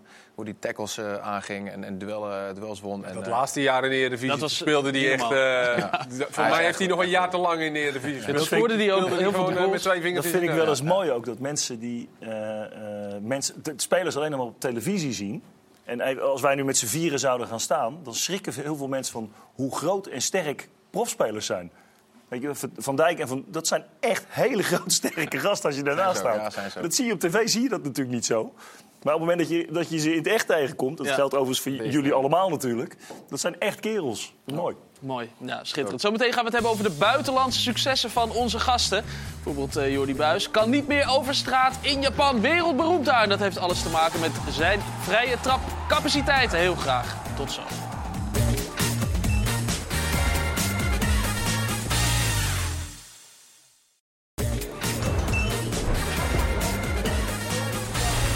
Welkom terug in de voetbalkantine, waar we het eh, even in de break hadden over alle mooie reizen die jullie hebben gemaakt. De bijzondere shirts die jullie aan hebben gehad. En we zitten midden in de Voetbal Geeft Week. Het is een eh, samenwerking van eh, de clubs, de Eredivisie, ESPN, de Vriendenloterij en al die partijen samen gaan eh, spullen veilen. Je kan bijvoorbeeld de schoenen van Guus Teel, de aanvoerdersband van eh, een aanvoerder in de Eredivisie, of een aantal shirts eh, kopen. En dan kan je dus bieden op de veiling. We hebben even een tussenstandje gemaakt. Om, ja, het kan nog namelijk geboden worden tot morgen, zaterdag, 2 uur. En dit kan allemaal nog wel wat hoger, dachten wij. Ja. Je- als je er zo naar kijkt, Kate? Heb het Martijn idee... van Zijtveld zeker, al die eh, biedingen. Ja. Dat is altijd zo bij een veiling. Hè? Dat gaat, pas op het einde gaat het echt heel snel. Oh kijk, dat is fijn dat we Ja, ja, een expert nee, we veiling eh, hier even, aan tafel even de rust. Dan gaan Ja. iedereen zit een beetje te loopbollen. Hè? Vandaar, als ik nu ga- al ga bieden, gaan ze er Dan wordt het eind dan... En aan het eind dan gaat het in één keer heel snel. Opvallend vond ik dat er. eh, Het was de wedstrijd Feyenoord-PSV natuurlijk. En dat in de top. Nou, Geen wat zagen we? PSV'er. Geen één PSV'er. Nee. Dus ik wil toch ook Frank Lammers. Je zit te kijken waarschijnlijk. eh, Die trek- plek 1 is trek- makkelijk te trek behalen. Ja, Kom op, en dat voor die prijs? Ja, Nee. je kan toch maar op. een shirt of Saibari of eh Boscarli. Die scoorde. Ik heb Frank Lammers nog in een nakshirt gekregen. Waarom dat? Ja, dat was in een uitzending ergens. En ik had een nakshirt voor hem meegenomen. En dat trok hij met groot plezier aan. Dus je heeft heel de uitzending heeft hij in een nakshirt. Dat Nou, je deed het voorkomen alsof het heel moeilijk was. Maar hij, hij trok hem gewoon meteen aan. Ja, nee, ja, het was een prachtig cadeau. Ja, dat snap ik. Ja. wat is het mooiste shirt, eh, Jordi, wat jij aan hebt gehad? Esthetisch, hè? Ja, esthetisch. Was dat het shirt van eh, Panduri? In Roemenië? Nou, dat was wel een bijzonder shit. Ik heb wel een hele mooie shirts gespeeld, hoor. Ja? Vind ik zelf, ja. Ja, nee, ik zeg ook niet dat het niet zo is. ja, ja. ja nou, die tijd in Roemenië dan, dat was wel een bijzonder... eh, Ja, heb je veel shirts aangehad daar? Of Nou, niet heel veel wedstrijden meer gespeeld. Eh, was je eerste stap hè, naar het buitenland? Ja, het was een stap in diepe. Eh, ik wilde naar het buitenland al heel graag. Ook na, na een NAC-periode eigenlijk al. Toch besloten naar Heerenveen te gaan. Ehm, ja, het buitenland dat trok gewoon. Gewoon, gewoon het avontuur. En ik had zoiets van, eh, ja, eh, ik ga gewoon naar het buitenland. Het was op dat moment het enige wat, wat voor mij interessant was. eh, op papier. Bleek een mooi Uit plan. het bot uit, uit Roemenië, zeg maar, ten opzichte van Ja. de Wiedingen. Oké. Ja, nee, dat was, dat, dat, was, eh, dat was op papier prima. En eh, we speelden Europees voetbal, dus, dus dat klonk heel aantrekkelijk. Ja, dan ga je daar naartoe, je krijgt tekengeld. denk je, nou, En dan zes maanden geen salaris. Nee, dus dan, eh, dan gaat wel hard. Kijk, eh, als je natuurlijk geen spaarpotje had gehad, dan moet je dat soort eh, trucjes niet uithalen. Alleen dat heeft wel de deur geopend naar, ja, naar andere orde. Maar je werd niet betaald daar. Deed je wel wedstrijden spelen? Of Nou, zei je van, nou, als ik, zolang ik niks krijg, doe, doe ik even rustig aan? Nou, we hadden een trainer, dat was een schreeuwlelijk, een Roemeen, die, die zei van, "Hey, jongens, we gaan trainen. En ja, dus wij eh, zeggen, ja, in het begin gingen wij natuurlijk trainen, hè. De, eerste, de eerste paar weken trainen, dat is geen probleem. Maar daarna kregen we ons geld niet meer. En toen, eh, toen zei ik tegen die trainer, hey, ga jij maar lekker zelf eh, op het veld staan. Wij gaan lekker die jacuzzi in met z'n allen. Dus we, we gingen naar de training, hè. dus we gingen met z'n allen in bad en na een uur gingen we weer naar huis, omdat we wel Had je wel had je aanwezig geen, geen werkweigering, maar Ja. ook wel eh, niet, eh, geen inspanning. Maar was dit selectiebreed? Want in het buitenland is het ook wel eens dat sommige spelers niet betaald krijgen. Was dit gewoon selectiebreed, niemand kreeg betaald? Nee, niemand. niemand. We hadden een eh, wasvrouw, die kreeg 150 euro in de maand. Ehm, ja, die ging bij ons eh, el- elke dag een eurotje vragen. En, eh, Ach, ja. Dus dat was wel heel, eh, ja, heel moeilijk, heel pittig, heel Wat, arm. wat was hun gedachte erover? Want ik ik kan me best wel voor dat Ze je... bestaan die club bestaat nog? Of is dit daarna... eh, Nee, die is nou helemaal... eh, Ik kan me best voorstellen dat, je, dat je vraagt aan de selectie van het komt over zo'n periode of die spelers wel, die spelers niet. Maar als je niemand betaalt, dan, dan gebeurt er toch niks? Nee, dat bleek. Nee, ja, maar wedstrijden moesten jullie wel komen opdagen. Ja, we hadden wel wedstrijden, alleen eh, ja, die gingen de meesten niet meer spelen. Kijk, eh, op een gegeven moment zeiden we tegen de trainer, luister train, we vinden het allemaal leuk om te trainen. hè, we zijn professional, maar jij moet wel voor ons eh, centen gaan vechten, want anders gaan wij gewoon niet naar buiten. En we hadden San Martian, Ja. die kennen we nog in Nederland. Van Utrecht, een lokaal grote, grote meneer. Ja, dus die nam ons een beetje, een beetje mee daar. En eh, die zei, nee, dit gaan we niet doen. En dan heb je echt een half jaar in de jacuzzi gezeten. Ja, nee, dat is... Dat is Een beetje rimp- gerimpeld huis ook. eh. Nee, dat Je is... hebt geen handen meer over na zo'n dat seizoen was echt, Dat was echt bizar. Alleen, ja, dat was misschien de mooiste tijd eh, uit, uit mijn voetbalcarrière. En niet zozeer voetballend, hè, eh, maar ik had daar een behoorlijke tijd met mijn gezin. Eh, elke dag aan het zwembad. Het was daar 42 graden. Ja, dat was, dat was niet verkeerd. Alleen... eh, Alleen ik heb geen geld overgemaakt, wat niet handig is als de rekeningen Nee, doorlopen. ik kan me ook voorstellen dat je op, op een gegeven moment eh, bijna vergeet dat je profvoetballer bent. door Ja, deze op een gegeven moment uh, ja, dan verlies je gewoon een, een, een bepaalde motivatie. En uh, ja, je wilt voetballen, je bent profvoetballer. Daar heb je voor gekozen, daar werk je hard voor elke dag. En uh, ja, dan gaat het niet door. Maar ik kan me ook voorstellen dat het iets langer duurt zeg maar, voordat je zegt van haal me hier weg tegen je zakenwaarnemer of wat dan ook. Omdat je gewoon met je gezin wel een perfecte tijd hebt en, en lekker in het zonnetje bij het zwembad zit. Ja. Hoe lang heb je dat eh, voordat je echt zei van nou, we gaan niet weg? Nou, dat was na drie maanden. Ja. Na drie, vier maanden, hè, dan zit je met 90 dagen uh, met FIFA zit je dan. Uh, Dat is juridisch ook. En dan kan, je kan wel zeggen, je- daarvoor ga je weg. Maar dan legt zo'n club een claim op jou. Ja. Ja. Die draaien het gewoon om. Die zeggen, Je ja, moet- dat is leuk dat je weg gaat, maar je hebt een contract. Je moet wachten een bepaalde tijd. Nou, het was niet echt een, een droomtransfer. Die kwam er later wel. Dan ging je naar eh, eh, Japan. Daar straks meer over. Wat Dirk, je je hebt een droomtransfer gemaakt naar Celtic? Of was dat ook niet per se een... Nou, droom. Dat is een mooie club. Ja, eh, op papier wel. Ehm, Veel op papier vandaag. ja, nee, ja, op papier wel. Eh, alleen toen ik daar aankwam, eh het, het werkt gewoon heel anders dan in Nederland. Ik had bij Ajax al eh, twee weken niet gespeeld, omdat ik daar een, een blessure heb opgelopen. Eh, ik had een oefenwedstrijd, eh schop mijn enkel gehad. Dus twee weken lang rust. Eh, nou ja, als ik naar een bal keek, dan deed mijn enkel al pijn. Ik kwam bij Celtic en eh, kreeg de eerste medische keuring natuurlijk. Dat was wel eh, oké. Ehm, maar ik moest gelijk testjes doen. Ik moest eh, op de home trainen, eh, fietsen, ik moest hardlopen, ik moest alles doen. en, en daarna mocht ik aansluiten bij het team, moest trainen op het veld. Terwijl ik tegen die gast zei van, ja luister, ik, ik, ik kom net aan. Ik, ik heb twee weken bij Ajax niet op het veld gestaan. Ik zeg, jullie willen dat ik nu gelijk op meetrain? Ik zeg, het gaat niet, ik heb last van mijn enkel. Nou, niks mee te maken. Schotse mentaliteit, gewoon gelijk voetballen. Ja. Dus ik heb eh, pijnstillers erin geslikt, eh, alsof het smarties waren. Maar En, word je eh, daardoor dan overrompeld? Want ik kan, als je gewoon tegen iemand zegt, ik heb, ik heb een blessure, ik kan nu niet heb spelen, ik heel maar je erg, doet het wel. Heb ik heel erg lopen, lopen twijfelen inderdaad, weet je Ja. wel. Eh, van, ik, ik heb alleen mezelf hiermee. Alleen, ja, weet je, je bent net nieuw bij je club en, en er wordt allerlei eh, druk op je uitgeoefend. Van de medische staf, maar ook van een trainer. We hadden toen eh, Neil Lennon, Ja. eh, Schotse trainer. Over En- Schotse mentaliteit gesproken. nou, er was op een gegeven moment, eh, we moesten Champions League eh, voorrondes. Wij konden ons plaatsen voor de, voor de Champions League. Moesten tegen eh, een team uit Kazachstan. We hadden uit eh, t- 2-0 verloren. Dus thuis moesten we 3-0 winnen. Dan waren we verzekerd van Champions League. En ik moest eh, twee dagen voor die wedstrijd moest bij hem in het kamertje komen. En hij vroeg mij van, eh, hoe voel je je? Eh, kan je voetballen? Eh, ik zeg, nou, ik, ik heb nog zoveel last van mijn enkel. Ik zeg, gaat echt niet. En hij zegt, eh, maar in percentages, eh, hoe gaat het? Ik zeg, ja, ik zeg 40, 50 procent. Hij zegt, ik heb liever op 40 procent dan helemaal niet. Ik zeg, je bent er gewoon bij. Ik denk van, ja, kan. maar ja, goed, weet je wel. Schotse Ja, mentaliteit. net Schotse mentaliteit. Dus hetzelfde verhaal. Ik, ik meld me dan bij de wedstrijd. eh, weer eh smatties erin. Ik begon gelukkig op de bank. Daar was ik, nou, ik ben nooit blij om op de bank te zitten. Maar die dag was ik blij dat ik op de bank zat. Maar ja, we stonden op een gegeven moment 2-0 voor. Er waren nog extra impulsen nodig om die eh, over de streep te trekken, die overwinning. Dus, ehm, dus ik moest warm lopen en, en ik kwam erin. En eh, uiteindelijk hebben we 3-0 gewonnen. We hebben Champions League gespeeld. Was allemaal te doen. Maar Winnende trainer toch gelijk? eh, nou, nee, ja, ik, ik heb die wedstrijd wel lekker gespeeld. Alleen, ja, weet je, ik, ik kon gewoon niet schieten. Als ik naar die bal keek, zeg ik, dit mijn enkel pijn. Achteraf hebben we vanuit onze kant eindelijk druk gezet op Celtic. Van, ik, wil, ik had al een paar keer aangegeven van, laten we naar het ziekenhuis gaan. Een scannetje, want het, is, het zit gewoon niet lekker. Uiteindelijk eh bij het druk uitgeoefend op de club. En toen eh, hebben ze eindelijk toegegeven, mocht naar het ziekenhuis. En bleek dat ik altijd een gebroken enkel had. Ja.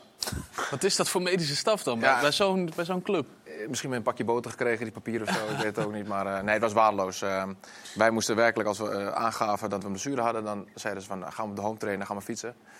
Oké, maar eh, moet nog behandeld worden? Eh, wat voor behandeling wil je? er? Ja, weet ik veel. Eh, jij bent de fysio. Ja. Maar dit, een beetje masseren of zo. Ongetwijfeld nu Zo'n al grote club, hè? Nou, maar ja, Ja, zo- maar dit- Robert, dit zo lang is dit niet geleden. Nee, zeven jaar geleden. hè, Dus, Ja. eh, Ik wou net zeggen, want dit klinkt als een verhaal van vroeger deden we dat zo en dan gingen we gewoon met een gebroken enkel het veld op. Maar dit is niet lang geleden. Ja. Zo'n grote club. Dat is gewoon echt een. Moest jij ook overtuigd worden door selectiespelers als ze zeiden ik ben geblesseerd? Nou, ik, ik, ik zit nu na te denken. want Ik heb natuurlijk ook in Schotland gespeeld, bij Motherwell.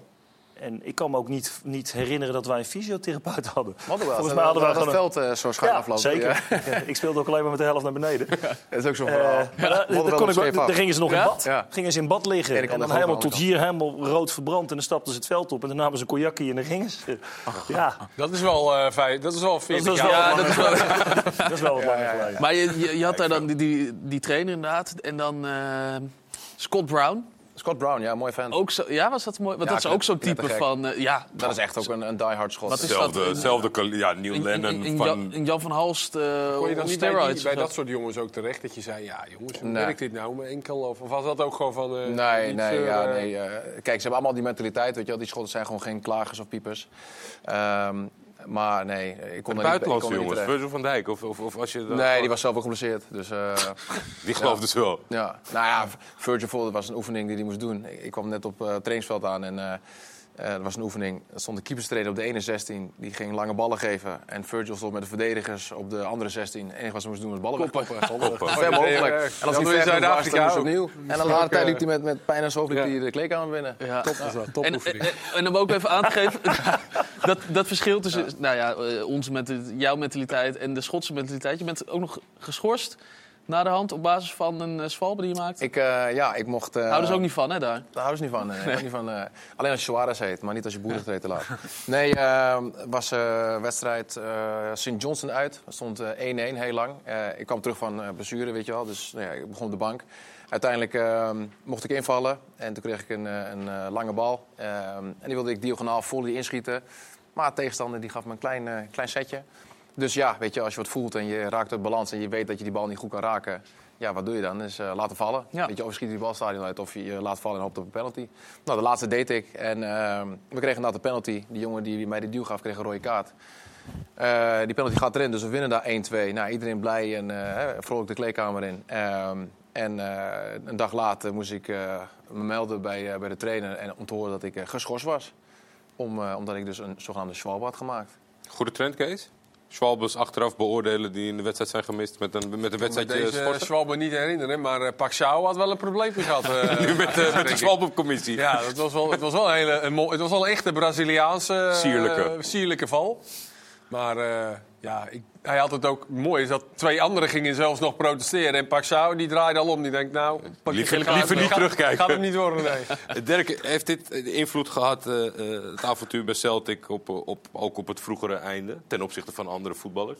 Van je profcarrière? Nee. Met, met de blessures? Nee? Nee, nee ik was, nadat ik bij Celtic wegging, was ik topfit. Mijn, mijn enkel was hersteld. Ehm, ik had nog wel, omdat ik zo lang met die zere enkel doorliep... had ik op een gegeven moment wel een klacht ontwikkeld aan mijn rechterknie. Want eh, ja, hoe je het ook bent of keert, als jij last hebt van, eh, van, je, van de blessure... dan ga je onbewust anders lopen. Dus ik begon eh, last te krijgen van mijn rechterknie. Ehm, en toen moest ik uiteindelijk opereren, moest geopereerd worden. Ja. Dus ehm, nee, dat was, waarlosperiode. Voor de rest zit je wel lekker in elkaar, toch? En voor de rest zit ik heel lekker in elkaar. Nee, ik, ik ben ook, ik- voor de rest was ik fit. Ik had nog gehoopt op een mooi avontuur. Alleen dat avontuur, dat, eh, dat, eh, dat bleef Wat, helaas wat, uit. is het, wat was het kaliber? Wat, eh, zeg maar, waar moeten we aan denken wat niet kwam? Waardoor je hebt besloten van eh, ik ga Want ik kan me voorstellen, als je, als je bij Celtic Nou ja, wat speelt, dan komt toch wel Heerenveen of was, zo. RKC kwam bijvoorbeeld nog wel. Weet je, Ja, ik heb natuurlijk goede club. tijden gehad. En, Ja. eh, het is ook een fantastische club. Alleen, ik weet niet, ik zag me op dat moment niet daar voetballen. Hè. Ik, ik heb Champions League gespeeld. Champions League ik heb eh, ooit eh Nederlands elftal gehaald. Alleen helaas nog mijn debuut gemaakt, ook Nee. een blessure. Maar ehm, ja, weet je, als je, als je dat niveau aantikt, dan heb je toch wel een beetje moeite om dan weer eh, te settelen voor minder. En ik heb op Jupiler League niveau gespeeld. Ja, het heet nu, eh, hoe heet het nu Keukenkampioen? Keukenkampioen-divisie. Ik heb op dat niveau gespeeld. Ik was blij dat ik daar, dat ik daar uit was. Het heeft natuurlijk wel in enigszins gevormd als voetballer. Je leert er wel veel. Maar om daar ooit weer op zo'n niveau te moeten acteren, dan eh, ga ik liever anders doen. Stap naar beneden was te ver. Dat ga ik liever anders doen. Ja, negen maandenbeurs, dan sta je daar. Ja, zo is Zeker, het. Ja, flyeren, lekker man. Liever op de negen maandenbeurs dan in de keukenkampioen-divisie. het is... eh nou, Geen goed. fijne slogan. Ehm, de, eh, Jordi, je hebt een heleboel mooie dingen meegemaakt eh, in je carrière. Ook een heleboel mooie dingen aan overgehouden. Je hebt er een paar mee voor op de stip, hè? Ja. Laten we gaan. Ja. De bal gaat op de stip. Want niet alleen de bal gaat op de stip, ook eh, een aantal mooie dingen die onze gasten hebben overgehouden aan hun eh, carrière. Die eh, gaan heel eventjes op nou, deze kerststip voor, voor vandaag. Het, is, het ziet er heel gezellig uit.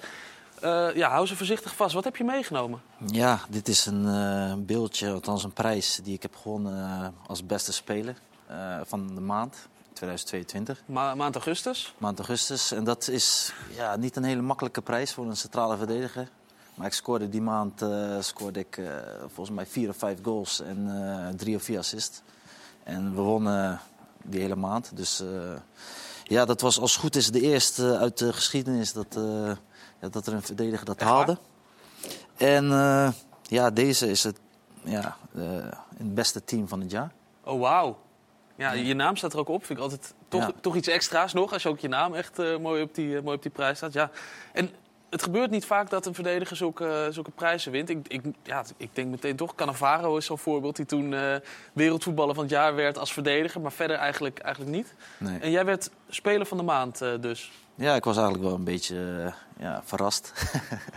maar ja, het zijn mooie dingen. Zijn mooie persoonlijke prijzen. Ja, tuurlijk. De Cannavaro van het eh, Japanse voetbal. Toen eventjes. Nou, dat niet, want anders gaat dadelijk weer een nieuw leven leiden. Maar gewoon Jordi Buis en... eh, De Jordi Buis van het eh, Japanse voetbal. En je was nogal populair daar, hè? Kijk, ik, ik, ik zei net, ja, Jordi Buis wereldberoemd in Japan. Maar ze waren echt gek van je. dat, dat idee had ik wel. Waar, waaraan ontleende jij dat idee? Nou, een bepaalde drijf. Kijk, ik ben niet een speler eh, zoals Messi, hè, waar je echt voor naar het stadion komt. Maar eh, ja, ik ben wel een speler die, die nooit opgeeft. En die altijd eh, voorop in de strijd gaat. En houden ze van daar? En daar houden ze wel van. En, en eh, ja, daarom eh, heb ik een hele mooie tijd daar gehad. Ja, want ze waren, ze waren heel erg gek van je. Ze, ze, ze deden gekke dingen af en toe. Er werden van allemaal shirts eh, van jou. Die, die, die liepen hard, toch? Jouw shirts met, met je naam achterop. Ja, dat, dat, dat was altijd eh, de best betaalde, ja, de best verkochte, meest verkochte items, ja. Ja? Hoeveel eh, ongeveer, denk je? Als Ja, dat durf ik niet te zeggen. Maar, Nee, eh, maar duizenden.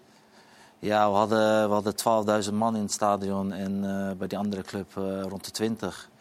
Dus ja, reken maar uit, ik weet het niet. Ja, nou ja, dus de helft een shirtje van je heeft, dan gaat het hard. Nou, het zat, het zat wel heel vol met, met, eh, met shirts, met eh sjaals, handdoeken, ik weet het allemaal niet. Ja, ja. kussens ook, hè, geloof ik. Kussens, Ja, kussens van Jordi Buis. met mijn hoofd erop. Dus, dus dan slaap je natuurlijk wel lekker. Had je die zelf ook? Eh, Ja, hè? ik heb er wel één meegenomen. Meegenomen, maar daar slaap ik zelf niet op. Daar slaapt mijn zoontje op. Ach, En eh dan kijkt hij elke avond naar me. En dus, dus dat is prima. mooi. En Jordi Buis, eh, kussen, ja. En je, je hebt daar vooral in de tweede league gespeeld, hè? Want je- De, de, de J-League, de J-League? Ja, J1 en J2. Ja, en jij hebt in dan in J2. Op dat, die competitie lag jou of zo? Ja, op een gegeven moment maak je, ja, maak je keuzes. En eh, ja, ik zat goed en, en eh, de J2 was prima. Dat is echt een prima niveau. Mhm. dat, wordt, eh, dat wordt denk ik wel onderschat in, in Europa. Maar nee, ik zat daar goed. daar heb je ook geen last van de VAR en weet je wel. Dus je kan gewoon lekker doorvoetballen. En ik hou, zoals jullie misschien wel weten, nog ja, van uitbundig juichen. Ik vind dat altijd mooi. Dat hoort erbij bij het voetbal. En Ja, eh, nu als je zeg maar, in de Eredivisie speelt en je juicht, dan kan die ook weer afgekeurd worden. Dus dat, Oh, dat is wel de reden erachter. dat nou, dat is niet de reden. Want je kon op een gegeven moment wel naar zo'n zo'n J1-ploeg. je promoveerde ook. En toen heb je toch gezegd, nou, laat mij maar lekker in die, in die J2. Ja, ik zat daar goed, ja. Ja. ja, omdat dat dan ook jouw niveau is. Daar kon jij op uitblinken. Ja, en, en op- die J1 op- was net, net te hoog? Ja, misschien net. eh, Nee, nee, dat is niet gek. Nee. Misschien, eh, ja, dan ben je een van de. Eh, in de J2, eh, ja, dan ben je. ja, ik, ik, ik, eh, Een mannetje waar de kussens van worden gemaakt, ja. nou, dan ben je natuurlijk wel een van de betere elke wedstrijd. En dat is, dat, ja, vind ik prima. Dan wordt heel het KKD, eh, Ja, denk ik. daar is hij het mannetje. Eredivisie hebben we geen zin meer. En hebben ze geen VAR, hè, de KKD. Kan je Ja, dan scoor ik er nog wel eh, een goaltje of 8, 9, Ja, Kees. houden we je aan, hoor. Hey, een paar vrije trapjes. Zetten we zo'n meter wil je neer? Ja, dat- Ja. ja. we moeten, hebben toch een nieuwe meter nodig. Nog, nog één ding, noem eens wat namen tegen wie je hebt ges- gespeeld er in Japan. Want het, Fernando Torres, eh, Podolski, Iniesta. ja, is niet gek. Ja. Ja. Wie was het beste van al die spelers die je daar bent tegengekomen? Ja, Fernando Torres eh, heb ik natuurlijk tegen gespeeld. Alleen, eh, ja, die- een directe tegenstander natuurlijk dan. Ja, die Ja. raakte natuurlijk geen knikken die wedstrijd. dus, dus dat eh, snap je natuurlijk wel. Ja. Was hij toen al bezig met dat bodybuilden of was hij toen nog wat, wat Nee, kleiner? toen, nee, toen nog niet. Toen Oh. was hij nog wel wat... Toen kon je hem nog hebben? ja. Ja, ja, Ja. mooie tijd. Denk je er nog vaak... Ja, het is kort geleden natuurlijk, maar met een beetje nostalgie aan terug? Nou, dit is, dit is een hele, hele mooie tijd geweest, Japan. En, en kijk, we vergeten eh, Australië daarvoor. Dat heeft, dat heeft de deuren naar Japan geopend. Ja, en, en zo zie ik dat, ja. En eh, ja, dat is geweldig geweest. Mooi. Wil je eens op de, eh, op de Ja, want het wordt zwaar. ja, ik, ik zag je al een beetje staan bibberen. hè. Dat is... eh, Kijk, Kijk, mooie prijzen op onze stip. ja. Dankjewel. Oké. De bal gaat op de stip. Een heerlijke op de stip. We zijn zo terug en dan hebben we nog genoeg te eh, bespreken. En we gaan natuurlijk de Eredivisie speelronde voorspellen met Dirk en met Jordi. Dus graag tot zo.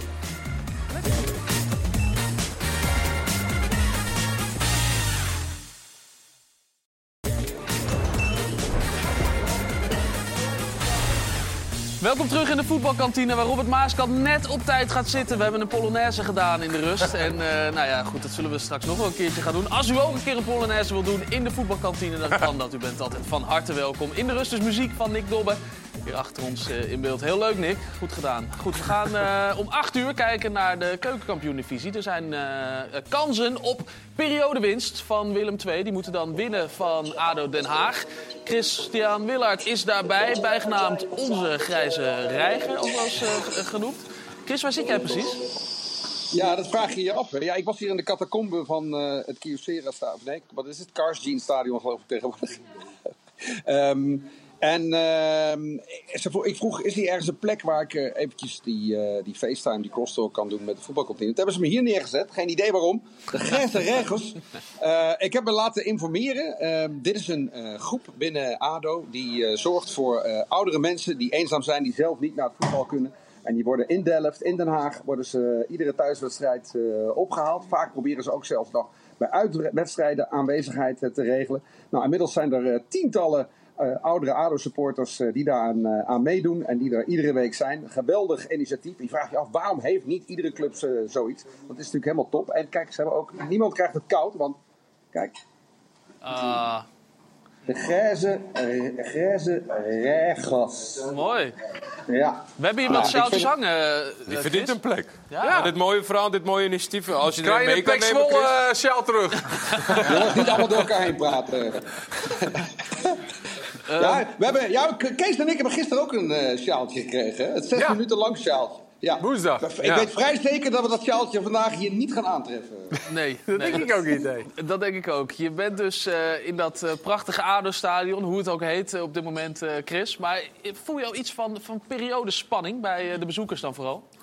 Ja, die zijn er nog niet, hè? Dus jullie zijn vrij vroeg in de lijn. Ja. Ja. ja, eerlijk gezegd, als je kijkt naar de, naar de voorsprong eh, die ze hebben. Ja, ze moeten, het wel, ze moeten het wel heel erg verpesten. Willen ze die periode-titel niet binnenhalen. Maar, ehm, ik vroeg me dat ook af, hè? Een Belgische trainer, die Peter Maas, heeft hij niet zoiets van. Ja, periode, het zal wel, dat zijn die Hollanders. Maar dat was niet zo. Hij vond het toch wel een mooie bekroning dan op de goede reeks die ze hebben neergezet. Want dat is wel bijzonder. Hè? Eh, onder Peter Maas begonnen ze meteen met winnen. Eh, maar eigenlijk was het voetbal nog niet zo fantastisch. Aantal wedstrijden kwamen ze ook goed weg. Wat wel meteen beter werd, is dat ze verdedigend beter stonden. Nou, dat heeft vertrouwen opgeleverd. Het voetbal is steeds beter geworden. Ja, en de laatste wedstrijden eh, zijn ze eigenlijk steeds oppermachtig. En ga je je afvragen, wie gaat ze überhaupt afsto- afstoppen naar het einde van het seizoen toe. Eén ding vind ik wel leuk om te noemen. Ehm, elf wedstrijden heeft eh, Peter Maas gecoacht als eh, eh, trainer van Willem II. Tien daarvan heeft hij gewonnen. En in maar één daarvan kregen ze meer dan één doelpunt tegen. Dus het is toch een beetje op zijn Belgisch. Hè? Gewoon goede verdediging.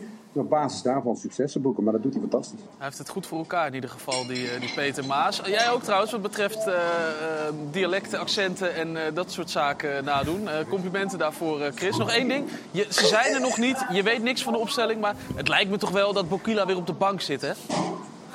Ja, dat denk ik ook. Never change your winning team. Het punt is ook dat Hilterman ook de laatste wedstrijden weet te scoren. Ook het vorige duel nog. Dus er is eigenlijk helemaal geen reden om hem eruit te halen. En we weten ook van Hilterman dat die heel veel werk verzet. Ook heel belangrijk is in het druk zetten eh, op de tegenstander. Het de tegenstander moeilijk maken. En dat is nou juist, zoals ik net al zei, eh, een van de wapens van Willem II. Dus ik denk niet dat hij eruit, eh, dat hij eruit gaat. Oké, nou, dat straks dus vanaf eh, 8 uur alles te zien in Voetbal op Vrijdag. Chris, heel veel plezier daar. Daar eet smakelijk. Ik denk iets met appelmoes en eh aardappelpuree. In ieder geval iets vlo- vloeibaars. Nee, ik heb, ik heb bij de, ik heb bij de Chinees eh, gegeten. Kantomees restaurant Little Asia, Prinses Juliana Laan in Voorburg. Standaard adresje voor de vrijdagavond. Goed, dan gaat weer 20% van de bon af. Dankjewel, Chris, eh, Siert. Dank, dankjewel, Siert. Ja. Dankjewel, Chris. Veel plezier daar. Hoi. Gaat altijd naar de Chinees. Ja, dat doet hij altijd. Het is hij een soort bijgeloof van. Ja, Ja, ja. Nou ja, het werkt wel, want eh, je ziet het. Hij zit er heel Ja, goed hij in. presteert elke week, dus het Ja, werkt. eh, het werkt uitstekend. Ja. Over presteren gesproken. Jordi, klopt het dat jij een van de verantwoordelijken bent voor eh, de muurligger? Oh ja. Vond ik zo'n mooi verhaal. Want jij, jij bent een van die spelers met, je zei net ik ben geen Messi, maar Ronaldinho, Messi en Jordi Buis, dat zijn die spelers die onder de, onder de muur schieten. Dat is toch een aardig rijtje. Ja, ja. ja. Wat, wat was dat dan? Dat je dacht, ik ga hem eens onder die muur plaatsen? Ja, ik, ik had het gezien van eh, Ronaldinho. En, en op dat moment keek ik zoveel wedstrijden. En eh, ja, ik zei tegen Bodor, die stond naast me. Ik zeg, ik ga hem onder, eh, onderdoor schieten. Je had het wel al gezegd. Dat vind Ja. ik wel al een, een plus, sowieso. En eh, ja, een beetje snelheid eh, eraan geven. En eh, ja, dan word je er toch nog een beetje op herinnerd in, eh, in Nederland. Die verloren we met 2-1 trouwens. Ja, met jij, was er wel- jij was er weer bij, Kees. Met Kees ga ik niet meer in discussie, die zal wel gelijk hebben. Welke trainer was dat, Kees? Ik, eh, ik, ik hoefde helemaal niet bij die bal te komen staan om te denken van ik neem ook wel even een vrije trap. Nou, laatst hadden we het hier volgens mij over, van, over vrije trappen.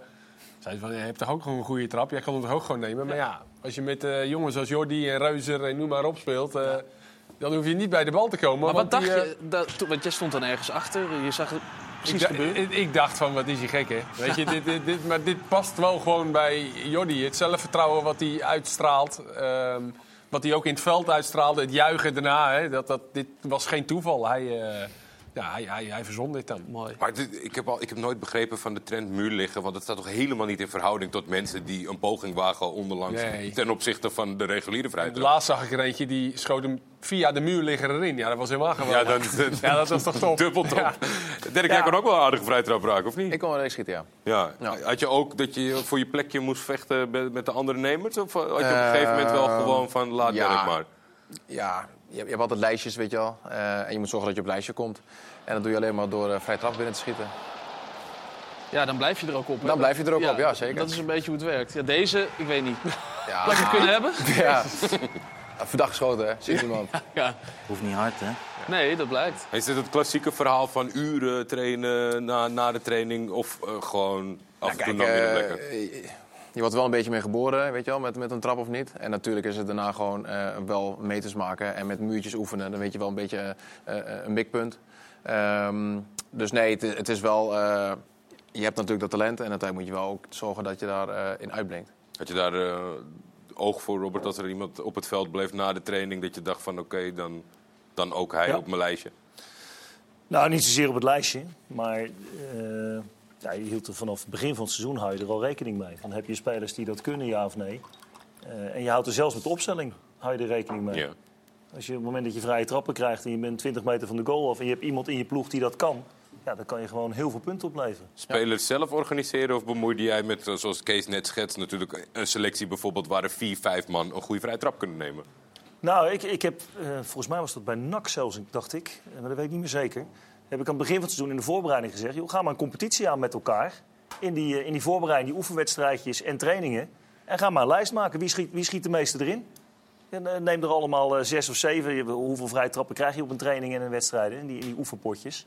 Nou, ga, er maar, ga het maar doen. En het vormt zich ook meestal wel vanzelf. Ja, het Wanneer, hoe- zegt- hoeveel, hoeveel mislukte vrije trappen van Jordi eh, nou, nou ben ik? Of, ging de, of heeft de ene meer credits dan de andere? Niet, want ik, ik ben er ook altijd wel van dat je iemand gewoon een vertrouwen moet geven. Al- Als je met z'n tweeën gaat staan en mag ik hem nemen, mag ik hem nemen. Ik denk dat dat ook... Natuurlijk overleg Oké, je maar hoe lang wel. bijvoorbeeld Cristiano Ronaldo, de, de durft Ja, niemand ja, in de buurt te noem je komen, er ook wel eh, op. Nou eh kon Jordi ook af en toe even deze maken van eh, wegwezen. Hè? Nee, maar dat ligt er wel aan wie het was. Kijk, bij hem was er gewoon geen enkele discussie. Niks, nul. Die bal naar links of rechts lag en dat was met Reuzer ook. Ja. Dat soort jongens. Ja, dan, dan, dan is het wel heel makkelijk. En natuurlijk heb je ook wel eens in teams gespeeld waarin je misschien dacht... nou, ik wil hem ook wel een keer nemen. Maar dan ging dat eigenlijk altijd wel redelijk normaal. Ik had bij RBC met Bikey Olysee. Eh, en zijn broer kon die bal wel van 40 meter in. Ja, zeker, Maar Sunday. Maar hij, Hij niet. hij nam ze altijd van, van 35 meter af en toe. En op een gegeven moment heb ik gewoon... ik- Maar niemand durfde er wat van te zeggen. Dus toen heb ik hem een keer bij me geroepen. Ik zeg, hoeveel goals heb jij nou eigenlijk gemaakt? Ja, nul, zegt hij. Hij zegt, maar ja, niemand, niemand wil het nemen. Jordi, hoe zit het eigenlijk met jouw eh, pretparkbezoek in, eh, in Japan? Heb je dat... heb je, dat want je, je houdt wel van een pretpark, toch? Jawel, jawel. Ja. Ja, we Ja. Hebben, ja, we hebben, heb, je, heb je dat daar gedaan? Ja, een klein uitstapje. We hebben wat beelden namelijk eh, van jouw eh, tijd bij NAC, volgens mij ook. Ja, dat kan wel, ja. Ook Zo. Kijk. Oh ja, de Python. Ja, ja, ja. ja. Nou, ja, ik was er woensdag nog eh in de Echt waar? Ja. Ja? ja. Ja, dat zijn van die dingen dan... Ja, NAC TV vraagt dan, wil je met ons mee naar... eh je, had, je had er van het haar dat ze omhoog stond, maar nu Nou, helemaal. Nou, toen Lekker had, ik, item is dit, hoor. toen had ik nog haar. Ja, Goed gemonteerd. Jij zei hier gewoon ja op dus. ja de twee gekken die, die, die werden gestuurd natuurlijk. Jens Jans is dat? Of niet? Ja. Ja, Jens. Jens, je hebt hem laten debuteren bij eh, Willem II. Ging naar die Eh, dag op een gegeven moment. eh, Ja. Maar het zit er dus nog steeds in, eh eh, Jordi, dat Ja, je... toevallig woensdag, afgelopen woensdag zijn we geweest. Dus eh, nee, dat is mooi. Dat is mooi. Ja, eh, leuk. Gewoon eh, even vrije tijd invullen. Ja, lekker Oh, man. ja, Af en toe naar een pretpark, heel goed. Eh, het Goed stukje was dit. Vond. Ja, ik vond dit echt een goed stukje. ik vond dit echt een goed stukje. Heb jij hem gevraagd, Wouter? Deze moest, ja, deze inhoudelijk moest erin. Topper. Ja, bij, bij ons op de redactie zijn ze uren en uren bezig geweest om, om beelden te krijgen van, kopen. van de het Efteling. Er is een paar honderd euro voor betaald. Dus ik moest het laten zien. Ja, nou ja, dan, zo, Ja, zo ben ik dan ook. Sorry, ja. jongens, ja. Ja, eh, goed. We gaan voorspellen. Ik vond het leuke beelden. Eh, we gaan het Eredivisie weekend voorspellen. Plus twee wedstrijden van de keukenkampioen-divisie. Dirk en Jordi, zouden jullie die kant op willen gaan eh, lopen? We hebben er twee wedstrijden van de keukenkampioen-divisie bijgedaan. Omdat gisteren natuurlijk PSV, Heerenveen en Feyenoord eh, Volendam gespeeld zijn. Wat? Schande dat die gasten dan niet die wedstrijden mogen voorspellen. Ja, Nou ja, ze mogen twee anderen voorspellen. Hadden ze toch van tevoren kunnen vragen? eh, dat, dat, daar zit een klein punt in, had eventueel. gekund, maar ja, eh, het zijn ja. ooit wel, wel een lastig duel gekregen uit de KKD. ja, zeker. van, het, is, het is een belangrijk duel. want Het heeft te maken met de... eh, wat ga je doen, Robert? Nou, ik ga die stift even Oh, aangeven. ik dacht je Anders blijven ze nog steeds staan. Heel Klasse goed, train, dankjewel. klasse train. Ja, kijk. Meedenken, beetje helpen. Eh Jordi, begin jij met... eh, Zal ik beginnen? Ja hoor. Oké. Ado, ik ga straks trouwens kijken. Dus ik moet direct door. ADO Willem II, thuisoverwinning. Geen Groningen, periodetitel voor Groningen eh, thuis. Groningen wint thuis van Telstar. Twente. Overigens, Max, jij zei dat eh, eh, Groningen helemaal niet zo slecht gaat, hè? Als eh, dat iedereen denkt. Ja, Nee. dit vind ik wel een lastig hoor. Dit. points eh, tweede. Ajax Sparta, ja, het, is of je, of je, de, of je het lijstje Ja, wil oh ja. winnen, Jordi, of dat je zegt, eh, ik laat mijn Feyenoord hard spreken. Ja, oké. Ja, nou, dat doet hij niet goed voor de punten. NEC. Oh, mooi. Hij kan- Overal drie letters en bij Ja. Ajax maar eentje. Ja, ja, ja. NEC. Is niet meer nodig ook. Ja, ik Nou, vind dit tussendoor best wel een, eh, een, een statistiek die ik niet had verwacht. Ik wist wel dat ze, bijvoorbeeld bij Roda uit, hè, dat Groningen drie keer op de lat schoot en dat Ja. ze wat punten hebben laten liggen. Maar tweede vind ik best wel hoog. eh. Ja, klopt. Ja, Ja, het waren ja en qua schoten voor, eh doelpogingen tegen, ook allemaal eerst in de KKD's. Toen, wat dat Ja. betreft, twee weken geleden Dan al zou je toch zeggen, dan moet je een spits hebben die veel goals maakt. Ja, die, Ja, Die hebben ze, maar die zitten die hebben ze gehaald, maar ja. Die buis, ook, eh, die buis ging vorig, eh, vorig seizoen, eh, seizoen al niet zo hard.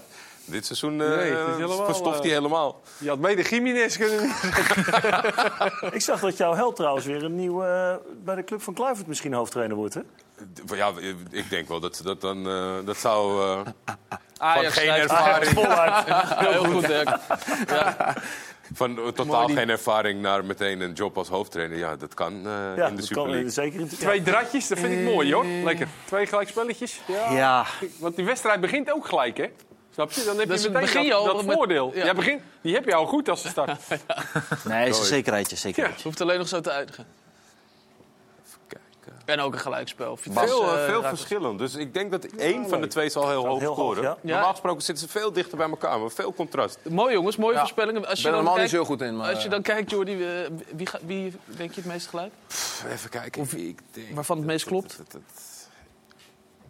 Ik ga met mijn naamgenoot mee, denk ik. Dat, daar net het, eh, dat die beter scoort deze week. Mooi. Sorry Dirk. Max, nog één ding. Ik wil ook Eh, winnen. Je, je roept al de hele week op de redactie dat eh, we op moeten letten of Ajax drie keer gaat scoren tegen Sparta. Want Ja, Sparta kan een eh, unicum neerzetten. Eh, als zij drie doelpunten tegenkrijgen, zijn ze de eerste ploeg die 3000 tegentreffers heeft gekregen in de Eredivisie. dat vindt hij mooi. En eh, ja, dat vind ik mooi. Maar Ajax eh, die scoort ook regelmatig veel tegen Sparta. Dus de kans is er ook nog wel eh, dat dat gaat gebeuren. En wat gebeurt er als ze drie doelpunten tegenkrijgen? Dan gaat in, in, in huizen Datamax gaat Ja, een klein... gaat het eh, confetti-kanonnetje ja, af. Oh, Jij had eigenlijk dit seizoen nog niet zien spelen, denk ik, hè? Nee. Ik, eh, nee, ik kijk altijd met mijn rug naar de tv. Heel goed.